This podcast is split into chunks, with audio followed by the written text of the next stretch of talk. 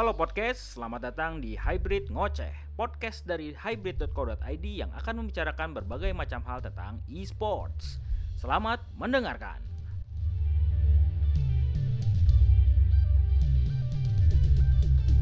Halo.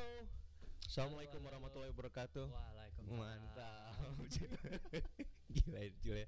Dibuka sama yang kayak gini. Gila, ya. Episode pertama dari apa sih namanya podcastnya gue? Kita hybrid ngoceh katanya. Hybrid ngoceh, hybrid Iya. ngoceh katanya. Ini Islami podcast Islami. Oh iya iya iya iya iya. Sebenarnya kita didukung juga oleh eh, enggak sih ngomong Nggak, Nggak baik. Episode Nanti pertama langsung bikin masalah kan Iya. jangan ya bagus ya. Nggak baik, nggak baik. Iya ya, intinya sih ini ngapain sih Cil kita?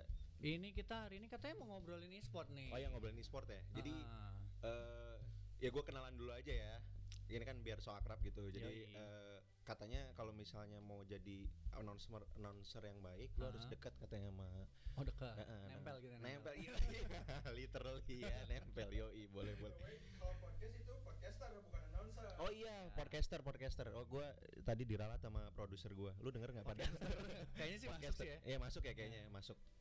Lalu eh, kita mau ngobrol-ngobrol. Jadi ini hybrid ngoceh tadi apa? Hybrid, Hybrid ngoceh. Hybrid ngoceh ini sebenarnya eh, satu eh, apa program podcast kita yang baru. Yoi. Jadi kita bakal ngobrolin soal dunia e-sport. Eh, ada gua Ardan dari eh, Hybrid dan juga Acil, gua dari tim marketingnya Hybrid dan Hmm. Acil sebagai Halo. eh, writer di eh, Hybrid. Hybrid. Ya, hybrid. Dan eh, ya kita pengen sosokan nampil aja gitu kayak Cie, biasa kan. Iya kan biasa ya. eh, pansos gitu kayak orang-orang gitu kan. Nah, biar berhubung keren. kita eh, apa sih secara tampang tidak menjual gitu. Jadi Suara kita emang menjual ya. Oh iya enggak juga ya. gue juga sebenarnya nggak ngerasa gitu Nggak sih. Yakin sih kayaknya. yakin juga sih, Cil. Cuma maksudnya gue karena sebagai apa ya orang yang baru masuk di dunia gaming Hmm. gitu aja sih Cil. Oh. Gue sebenarnya pengen ngobrol-ngobrol kayak pengen tahu eh, sebagai apa ya bagian dari tim marketing eh, dari sisi perspektif marketing tuh gue pengen tahu Hmm, apa tuh? audiensnya eh, apa gamers tuh kayak gimana kayak Hmm, gitu-gitu iya. yang gua dan sedangkan Acil itu udah pasti banyak yang tahu lah ya kayaknya Belum lu- sih. kayaknya lu Belum sih, influencer belum. sih. oh belum juga lu Belum segitu banyak yang tahu tapi ya gue sejauh ini sih udah kayak gua kayaknya pansos ke lu soalnya Waduh, enggak enggak, gue belum sepopuler itu. Oh, Jadi, iya. tapi gue kayak kurang lebih udah Sejauh. punya pengalaman sekitar 2 tahun sih malang melintang di dunia e-sport. oh gitu lu dua Ah. tahun ya Ya. jadi lu dulu mengawalinya kayak gimana tuh gue karir dari awal memang udah jadi penulis. Tapi kayak di tengah-tengah itu gue akhirnya mencoba terjun ke dunia shortcasting. Hmm. Ketika itu adalah gue pertama kali nyobanya di game Vainglory. Kalau di kalangan gamers Vainglory sih udah jok banget emang karena itu kayak dia dia tuh MOBA di mobile yang pertama Hmm. Tapi MOBA mobile pertama yang juga pertama kali mati oh iya, iya. E-sport. karena karena populer nggak terlalu populer ya nggak terlalu populer dan Nah. juga dari sisi apa namanya eh, pengembangnya itu dia kayak mutusin buat berhenti nge-support Hmm. eh, pendanaan e-sport oh Gitu. gitu gitu ya jadi emang mostly orang tuh kalau MOBA itu larinya ke sekarang ML ya ya sekarang sih Mobile Legend rata-rata karena Legend. paling casual paling mudah juga kan paling mudah dan kalau sekarang gue sih nge-cash itu masih tetap nge-cash gue tapi Ah. sekarang di PUBG Mobile dan PUBG sih mainly Eh gue ini dikit deh. Apa tuh? Eh, apa sih? Ken, apa ya? Dari sisi kan tadi lu bilang pendanaan gitu. Hmm. Kalau selain itu faktor dari audiensnya sendiri emang kenapa bedanya apa sama kan gua nggak main nih ya, berhubung gua Hmm. nggak main MOBA nih. Ya. FYI, gua tuh eh tidak main nggak- game? Eh, Eh, main, main, tapi maksudnya nggak nggak game-game banget anaknya Ah, gitu. iya, iya, Gue iya. tuh pilih-pilih. Ini eh sedikit cerita aja, gue tuh kalau main tuh ya Hmm. PS aja itu guanya gue mainnya yang apa third person gue sukanya third person Oh. terus sukanya open world gitu-gitu Ah. makanya gue PUBG kegigit sama gue gitu gue tuh soalnya main pas lah ya soalnya pas kayak Ah. gitu kan nuansanya kayak gitu Ah. walaupun ujung-ujungnya muka- bukan kayak open world kan biasanya lu ada kayak misi-misi tertentu gitu kan Ah, kayak single player single ya. player kayak gitu kalau ini kan lebih apa ya emang lu tujuannya adalah menjadi last man standing kayak gitu gitu kan Hmm. battle royale kayak gitu Iya.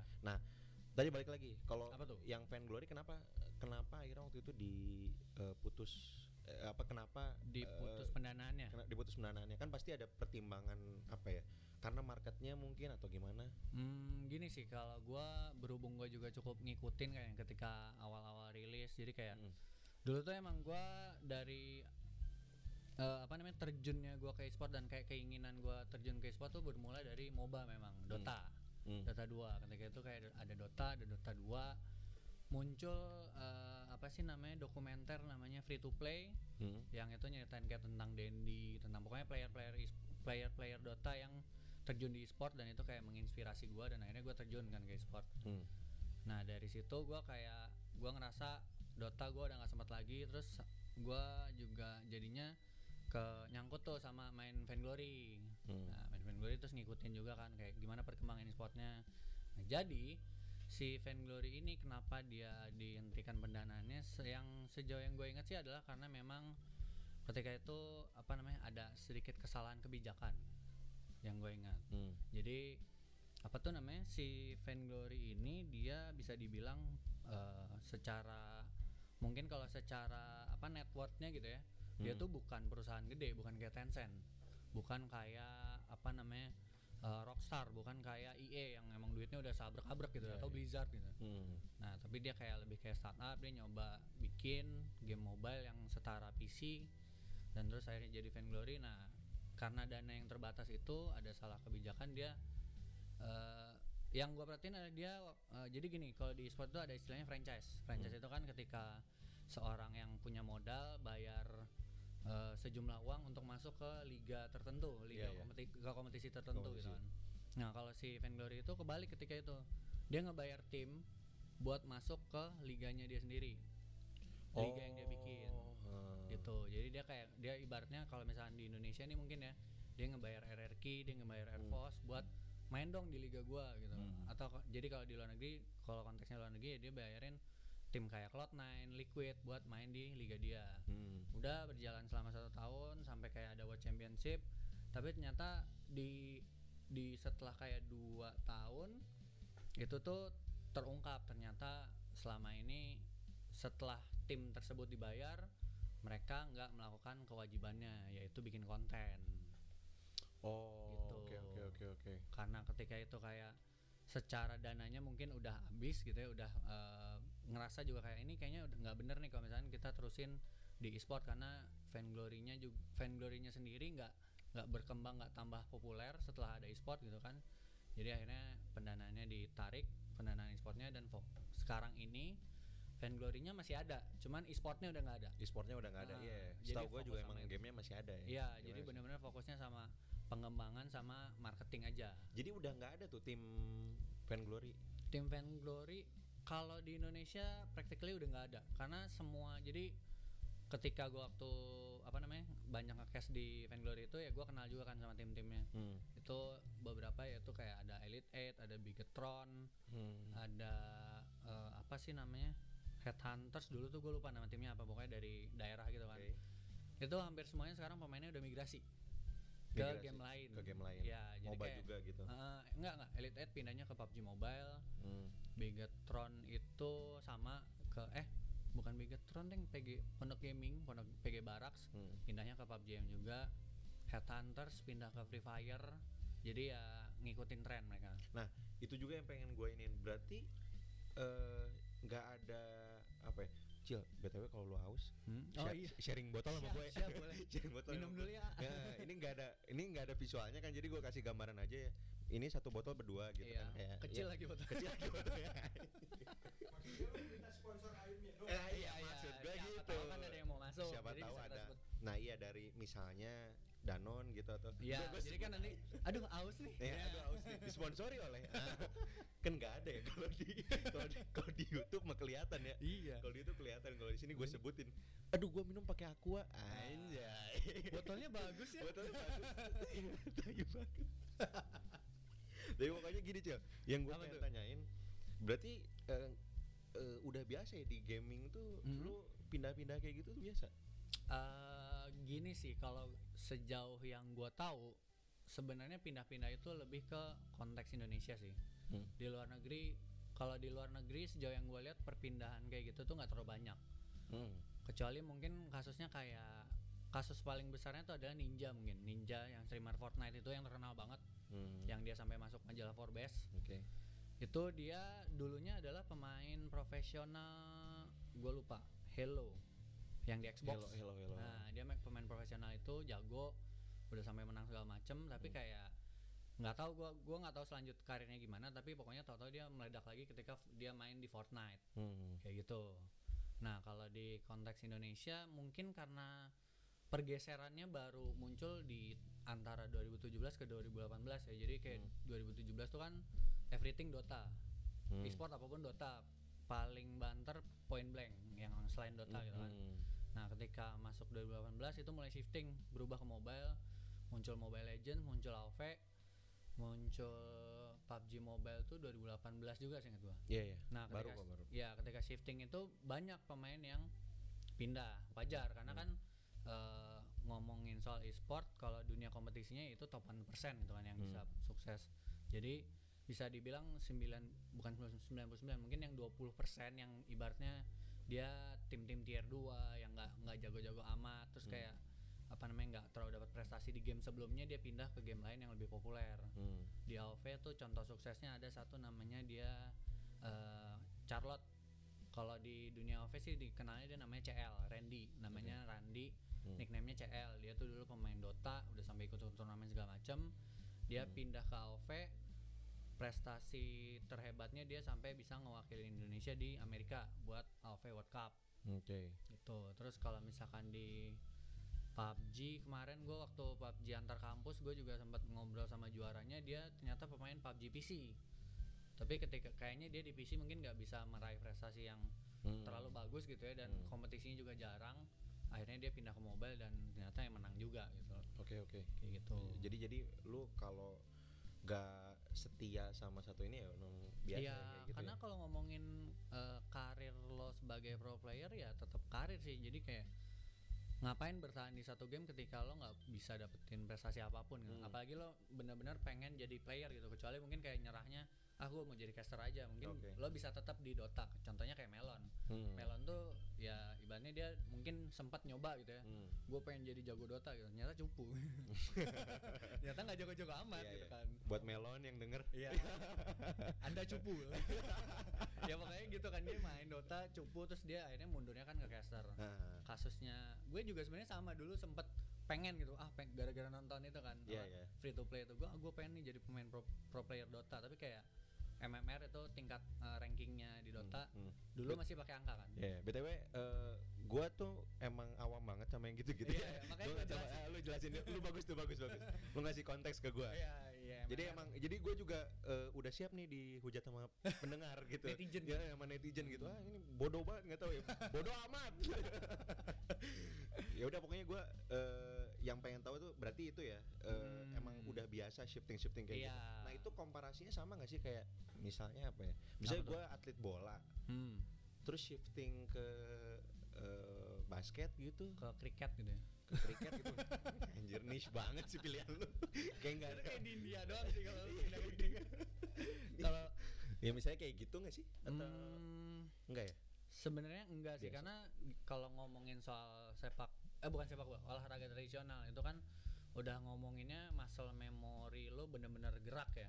Jadi dalam artian gerakan badan yang emang udah tertanam setelah lo latihan bertahun-tahun mungkin gitu kan. Hmm, Nah, tapi kalau ngomongin di eh, gaming hmm, ibaratnya ya itu tadi yang pemain-pemain Vainglory aja tuh masih bisa shifting ke game FPS yang ya. notabene sebenarnya beda jauh gitu loh. hmm. Yang satu kan lo ngendalin hero lo harus lebih kayak apa ya pinpointnya tuh lebih lo tinggal ngeklik.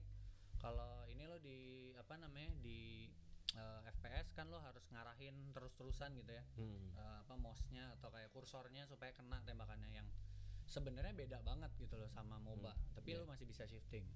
Oh iya ya, muscle Gitu. memorinya berarti masih nggak terlalu apa ya? nggak terlalu spesifik Nggak- gitu nggak terlalu spesifik, ya, ya, kalau ngerti, ngerti gua. Kalau lu olahraga tradisional, kalau dari bola apa? Mungkin lu bisa pindah ke takraw gitu. Nggak juga sih ya. Enggak, ke futsal lah. Futsal ya, iya, futsal, ke benar futsal. Iya, iya. bulu tangkis kejauhan Iya iya benar.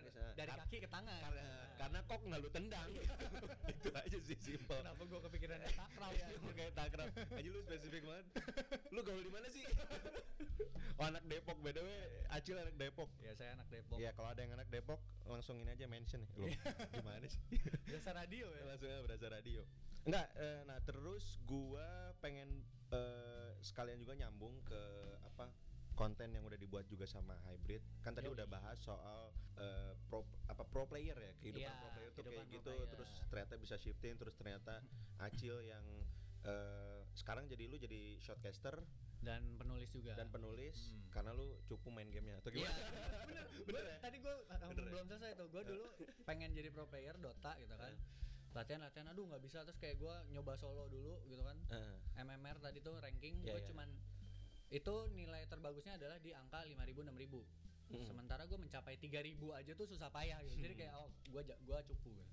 oh ya udah gue akhirnya lu cukup memperhatikan aja iya gitu. gue undur diri aja dari Iya, itu. Langsung Bagus, kayak bagus. gue Akbar selamat malam. lu pikir stand up Iya, iya.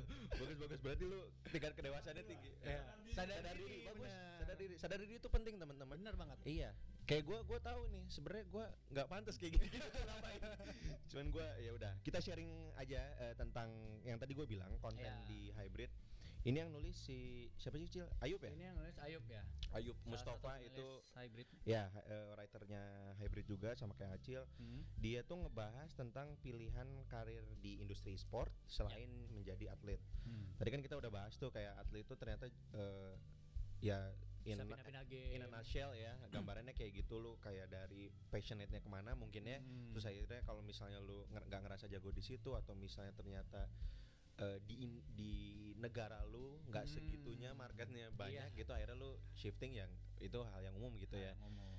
Nah, kalau di eh, apa ya, di pilihan karir secara umum, shiftingnya juga bisa kayak acil gitu ya. Kayak Hmm. lu nggak ngerasa jago main game, ya lu bisa karena lu pemerhati, tapi lu tetap punya passion gede sama dunia gaming ya monggo Ah. gitu kan. Kayak misalnya contoh pilihan pertama itu shotcaster. Shotcaster. Shotcaster itu ya acil gitu. Yoi. Eh, Bacot. bacot ya. Ini gue pengen eh, apa ya? Eh, gue kasih gambaran juga ya. Gue gue beneran cil. Gue tuh gue tuh gaming tuh apa ya? Gue tuh main tapi mainnya pilih-pilih. Itu Ah. satu. Terus Sekalinya main cupu ya. sekalian main coba eh sorry. iya sih bener sih bener. Gue tuh apa yang bisa dibanggakan dari game ya? gue lagi mikir. Kalau gue tuh pengen eh, ini aja, eh, pengen tahu aja gitu. Di kan kan gue nggak ngerti-ngerti banget di game gitu ya Hmm. eh sebenarnya dari kegiatan e-sport itu kan tentang entertainment yang gua tahu gitu ya. E- E-sport itu kan tentang ketika lu datang sebagai audiens, lu Hmm. emang harus menikmati eh, apa ya ambience-nya itu adalah eh, apa ya kayak kayak lu nonton namanya juga e-sport kayak Iya. nonton kegiatan olahraga gitu kan pertunjukan olahraga. Hmm. Nah di dalamnya itu kan berarti ada sa- dalam satu kegiatan e-sport berlangsung Hmm. itu berarti ada player udah pasti, manajer udah ada, Ah. audiens ada, terus shotcaster di sini disebut sama Ayub nih. Hmm. Shotcaster tuh sebenarnya in a nutshell tuh komentator bukan sih?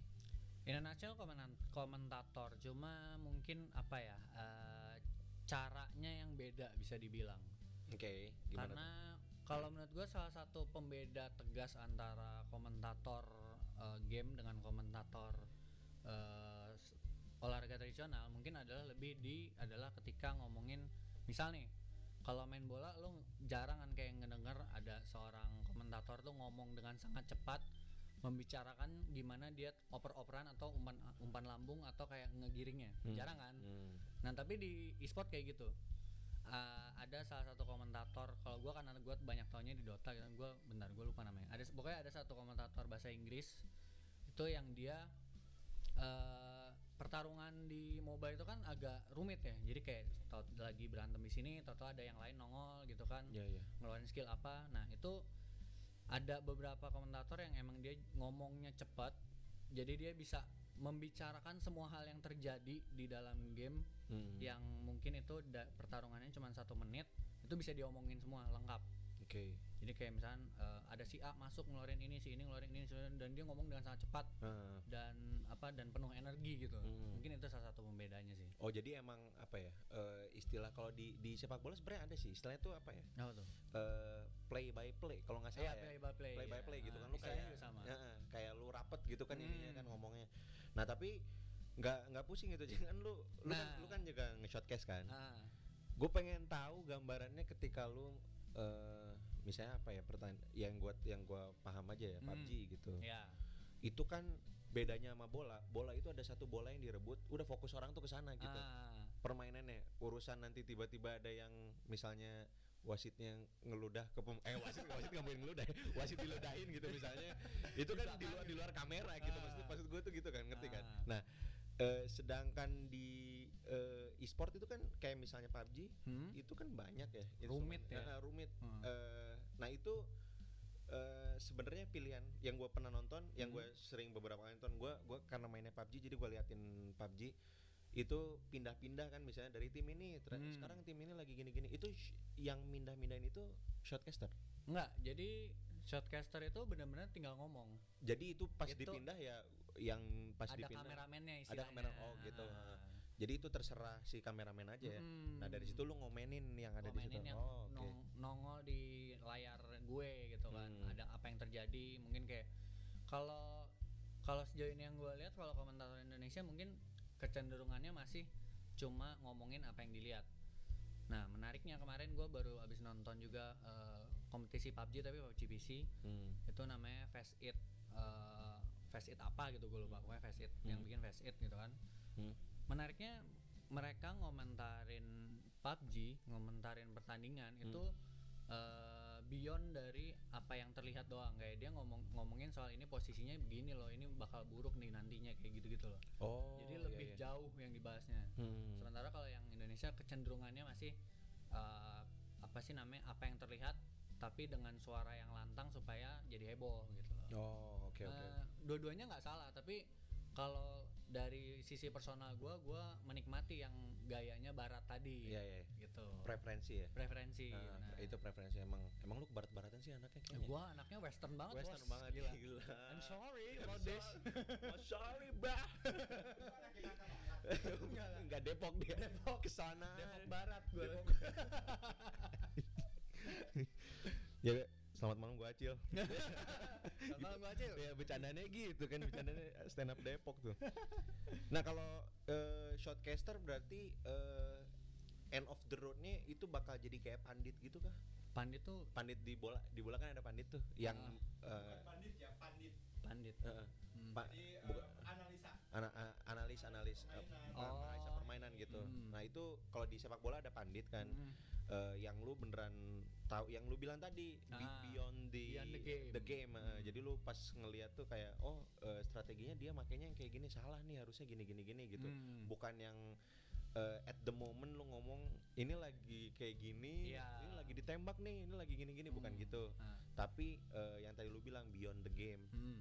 nah itu bakal ujungnya sebenarnya ada nggak sih yang kayak gitu role pandit tuh yang gue jelasin tadi pandit kan adalah orang yang Menganalisis. menganalisa ya, menganalisa Kalau di Indonesia sendiri untuk turnamen-turnamen besar biasanya udah mulai aware untuk menghadirkan sosok yang kayak gitu. Hmm. Jadi biasanya format eh, entertainmentnya adalah eh, caster adalah hanya ketika akan memulai game. Hmm. Nanti ketika game selesai nanti ibaratnya casternya nutup obrolan Hmm. Pindah ke istilahnya tuh panelis desk. Nah di meja panelis itu mereka kayak ngebahas lagi nih. Tadi nge-breakdown tadi tuh gamenya gini gini gini. Tadi tuh mereka kalah gara-gara gini gini gini. Tadi Hmm. tuh mereka ibaratnya eh, milih hero kalau misalnya ngomongin MOBA ya milih hero itu harusnya nggak gini harusnya yang begitu oke oke nah itu emang ada kayak section yang berbeda Hmm. gitu loh nah itu udah bisa jadi eh, berarti menggambarkan udah bisa jadi pilihan karir belum sih sebenarnya Nah, kalau untuk di Indonesia sebenarnya nggak di Indonesia sih di secara umum internasional juga jarang ada yang spesifik analis. Jadi Hmm. sebenarnya dia caster juga awalnya gitu ya mungkin ya. Tapi karena kemampuan analisa dia yang lebih mendalam, biasanya dia di hire akhirnya dia jadi lebih sering di hire untuk menganalisa permainan. Oh, Gitu. oke. Jadi t- eh kalau konteksnya di luar negeri itu ada di Dota namanya Purge. Dia awalnya dari YouTuber, Hmm. bukan YouTube. Gua benci sih pakai kata-kata YouTuber. Pokoknya Iya, dia iya, bikin iya. konten Nah, Dota. konten creator ah Iya. sama juga konten creator juga sih ini? dia bikin konten video Dota eh, yang iya. isinya tuh analisis. Jadi ada update baru nih, ya ya apa aja yang berubah Hmm. dan perubahan ini bisa berimplikasi kepada hal apa. Tuh dia Oke. sering bikin kayak gitu dan akhirnya dia eh, kalau ada kompetisi internasional Dota dia pasti diundang untuk jadi apa sih namanya? Pokoknya jadi analis yang dia kayak ngejelasin di layar. Nih ada kayak dia ada layarnya dia kasih tahu ini tadi dia gerak ke sini itu eh, pergerakan ini membuat kekalahan bagi tim ini bla bla bla bla bla Hmm. ibaratnya kayak gitu Kalau gua mau starting gua gua asumsikan ketika lu mulai emang pertama untuk jadi shotcaster adalah lu emang harus suka gaming dulu ya. I- Itu udah pasti kan? Iya, tapi mungkin kalau lo nggak terlalu suka gaming, tapi lo mungkin eh, lebih di spirit kompetitifnya gitu, kayak lo suka dengan kompetisi ibaratnya, kompetisi apa pun itu bentuknya, ya menurut gua kenapa enggak sih? bisa-bisa aja itu itu Bisa-bisa aja itu gitu. kayak eh, apa sih? Itu hal yang bisa dipelajari sebenarnya teknik-teknis yang tadi lu Hmm, bilang kan kayak istilah dalam PUBG misalnya, Iya. istilah dalam Dota itu tuh kan ada ada hal yang bisa dipelajari gitu. Hmm. Tapi spirit awalnya emang lu harus punya apa skill speaking, public speaking dulu gitu. public speaking kalau gue sih berangkatnya dari karena gue emang apa sih namanya eh, cukup geeky untuk urusan game jadi kayak Hmm. mungkin orang-orang kalau ngomong main MOBA gitu ya ya taunya ya udah ini kan kita di lane tengah ngepush gitu misalkan ngomongnya kayak gitu Hmm. nah tapi kalau gue cenderung lebih geeky kayak misalnya gue ngomongin oh lu nggak bisa pakai hero ini kenapa karena hero ini tuh kemarin abis dikurangin skill ininya stunnya jadi gimana gimana gitu gitu Oh, loh iya, iya. teknik yang teknis yang benar-benar kecil yang mungkin nggak semua pemain tuh ngelak, eh, apa Iya. merhatiin gitu. Aha. Biasanya kalau pemain ya emang main aja gitu kan emang Hmm. dilatih ininya dong. Iya. Oke, berarti starting pointnya dari sana dan l- dan ini tadi gua lihat di bawahnya shotcaster itu ada analis. Analis itu yang tadi Iya, pandit tadi pandit itu ya, pandit Ah. itu. Jadi pandit itu analis teman-teman. Hmm. Dia tuh yang analis perlu nih, ini gua baca dari tulisannya Ayub. Hmm. Analis perlu menguasai strategi permainan secara cukup mendalam dan harus tahu fakta dan data seputar game yang ia bawakan. Nah untuk ini berarti emang udah eh apa sih the next level of shotcaster gitu? Iya, Gimana? bisa dibilang eh, mungkin nggak next level tapi lebih kayak kalau gue mikirnya gini, lebih eh, format format entertainment apa yang ingin ditunjukkan sih. Oke. Jadi mungkin kalau ngomong kayak eh, event e-sport di Hmm. Indonesia Hmm. sama di luar negeri gitu kan, Hmm. eh, halayaknya kan beda bisa Iya. dibilang mungkin kalau di luar negeri penontonnya cenderung lebih dewasa dan kayak mereka lebih prefer dengan eh, apa namanya nonton dan dia mendapat insight gitu mungkin prefernya lebih kayak gitu Hmm. Ibaratnya kayak lo nonton pertandingan ini Hmm. lo bisa tahu oh ternyata si ini menang gara-gara itu gitu Iya, nah kalau untuk konteks Indonesia mungkin bisa dibilang kebutuhannya belum sampai situ karena hanya menikmati apa yang terjadi aja gitu loh Oh, gua paham sih. Iya, mungkin Gitu. karena karena karakter ini aja kali ya, market. Kita kan karakter gamersnya gitu mungkin gamersnya ya. ya. Mm-mm. Oke. Jadi kalau di luar mungkin gamersnya lebih analytical, lebih kritikal yang pokoknya Gamers maksudnya gamers tuh eh, ini kan audiens kan. penonton, Penonton ya, kan, gamers ba- apa gamers asin penonton itu As in mereka penonton, kan. lebih lebih apa namanya kritikal terhadap sesuatu hal. Jadi kayak ketika dia ngelihat seseorang kalah atau kayak tim jagoannya kalah, dia mungkin mikirnya bukan kayak ya kalah cupu gitu kan. Tapi dia bakal mikir ini kalahnya kenapa ya? Oh, ternyata dia ngelakuin ini gini gini gini. Terus kayak dia lihat oh walaupun kalah ternyata tim ini melakukan hal-hal yang udah benar. Mm-mm. Cuma mungkin agak sedikit kurang hoki aja.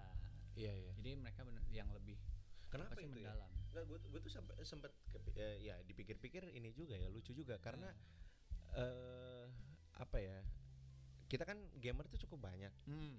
Yang gua tahu ya waktu itu tuh gue bikin eh, waktu gua nyari-nyari data Hmm. terkait e-sport gitu. Hmm. Gamer kita tuh ada seki- sekitar kalau di data itu ada 100 eh 100 juta 100 jutaan lah 100 gitu juta gamer. sekian lah ya. 100 juta sekian itu eh, se se Indonesia gitu. Iya. Nah maksud gua eh, berarti kan banyak. Berarti Hmm. orang yang eh, ha- yang harusnya masuk ke market itu tuh yang nonton e-sport gitu. Hmm. Maksudnya harusnya potensinya gede juga. Iya. Cuman kenapa mereka eh, belum se-avid apa ya? Bukan se-avid itu ya, tapi kayak belum segigi itu ya. Ah. Sepengen tahu itu tentang game. Itu karena apa industrinya masih baru gitu ya Hmm. atau karena gimana tuh? Kalau pengamatan gue sih mungkin karena yaitu industrinya masih baru. Hmm. Terus eh, kedua adalah dengan kalau gue ngeliat dengan fenomena Mobile Legends yang muncul, eh, penggemar-penggemar e-sport ini sebenarnya jatuhnya bu- mungkin bukan penggemar e-sport tapi casual gamers Hmm. yang kebetulan dia eh, suka ngelihat permainan orang-orang yang jago. Hmm. Jadi mungkin bis- belum bisa dibilang e-sport fans. Jadi Oke. karena dia masih casual player, casual gamers gitu ya, ya itu tadi dia nggak nggak kayak gue yang segiki itu untuk hal-hal kecil Heeh. jadi ibaratnya kayak mungkin kalau ngomonginnya balik lagi ngomonginnya ke PUBG nih karena gue caster PUBG gitu kan Iya, iya. Kalau misalkan casual gamers ya cuman taunya di depan ada orang ditembak Iya, iya. udah Heeh. tapi kalau bicaranya orang kayak gue yang emang geeky gue ngelihat apa namanya di depan ada orang gue pikirin dulu di tempat gue ada apa Hmm. ada bukit kah ada rumah kah ada apa Oh. belakangnya Ya, nah, itu hal kayak gitu sebenarnya mungkin yang eh, belum apa belum banyak belum jadi culture lah di games Nah, Indonesia Tapi tapi maksud gue gini, Cil. Apa tuh? kayak apa ya? eh kayak bola aja ya. Ah, Sebenarnya kan bapak-bapak yang di nongkrong di ini Ah. di di pos ronda Di ya. pos ronda. Di pos ronda. Itu kan sebenarnya kalau ngomongin Juve Manchester United itu tuh kayak omongannya berbusa-busa tuh ya. iya, iya. Padahal mereka main juga gitu, ngerti gak lo? Casual Ah, juga. iya, main main- kan main. main Tarkam juga casual gitu. Ah. Nah, eh, apakah itu bisa diaplikasikan di ini gitu di e-sport? Gue tuh lagi mikir ini emang cuman masalah waktu doang berarti ya. Cuma Eh, masalah iya iya, gue ya? setuju tuh kayak soal ini emang masalah waktu karena ya saat ini ibaratnya baru baru booming kan, Hmm. e-sport di Indonesia tuh baru booming. Jadi kayak waktu kemarin Dota tuh eh, mungkin kayak baru mulai menanjak gitu kan, nah Iya. terus meledaknya adalah ketika Mobile Legends ketika semakin banyak orang bisa muncul ke depan dan ngaku sebagai gue gamers gitu, padahal Hmm. mainnya mah apa namanya eh, dinner dash gitu kan mainnya. dinner dash sama Mobile Legends gitu kan mainnya. Di dress gue tahu sih. Kalau di dress gue tahu. Iya jadi maksudnya gitu jadi kayak dia uh, casual player yang muncul sekarang bisa muncul sebagai gua gamers gitu apa, Iya, apa iya. namanya makanya jadinya kayak format entertainmentnya di Indonesia ya belum segitunya kayak dibandingin sama yang barat yang emang kalau ngomongin barat atau mungkin ngomongin Korea enggak sih Korea. Kalau Korea casternya tuh kayak ini kayak apa namanya? Dia kayak pembawa reality show gitu saya teriak-teriak mulu nggak jelas. Oh iya. gitu? Apa karena lu nggak tahu bahasanya? Gua nggak tahu bahasanya tapi dia pokoknya teriak-teriak aja sama oh, heboh gitu. Culturenya gitu ya? Uh. eh biasanya kalau nggak tahu ya Korea ya Jav juga gitu kok Jepang iya, kenapa jadi ke sana ya nyamuk teriak-teriak mulu. Iya. iya.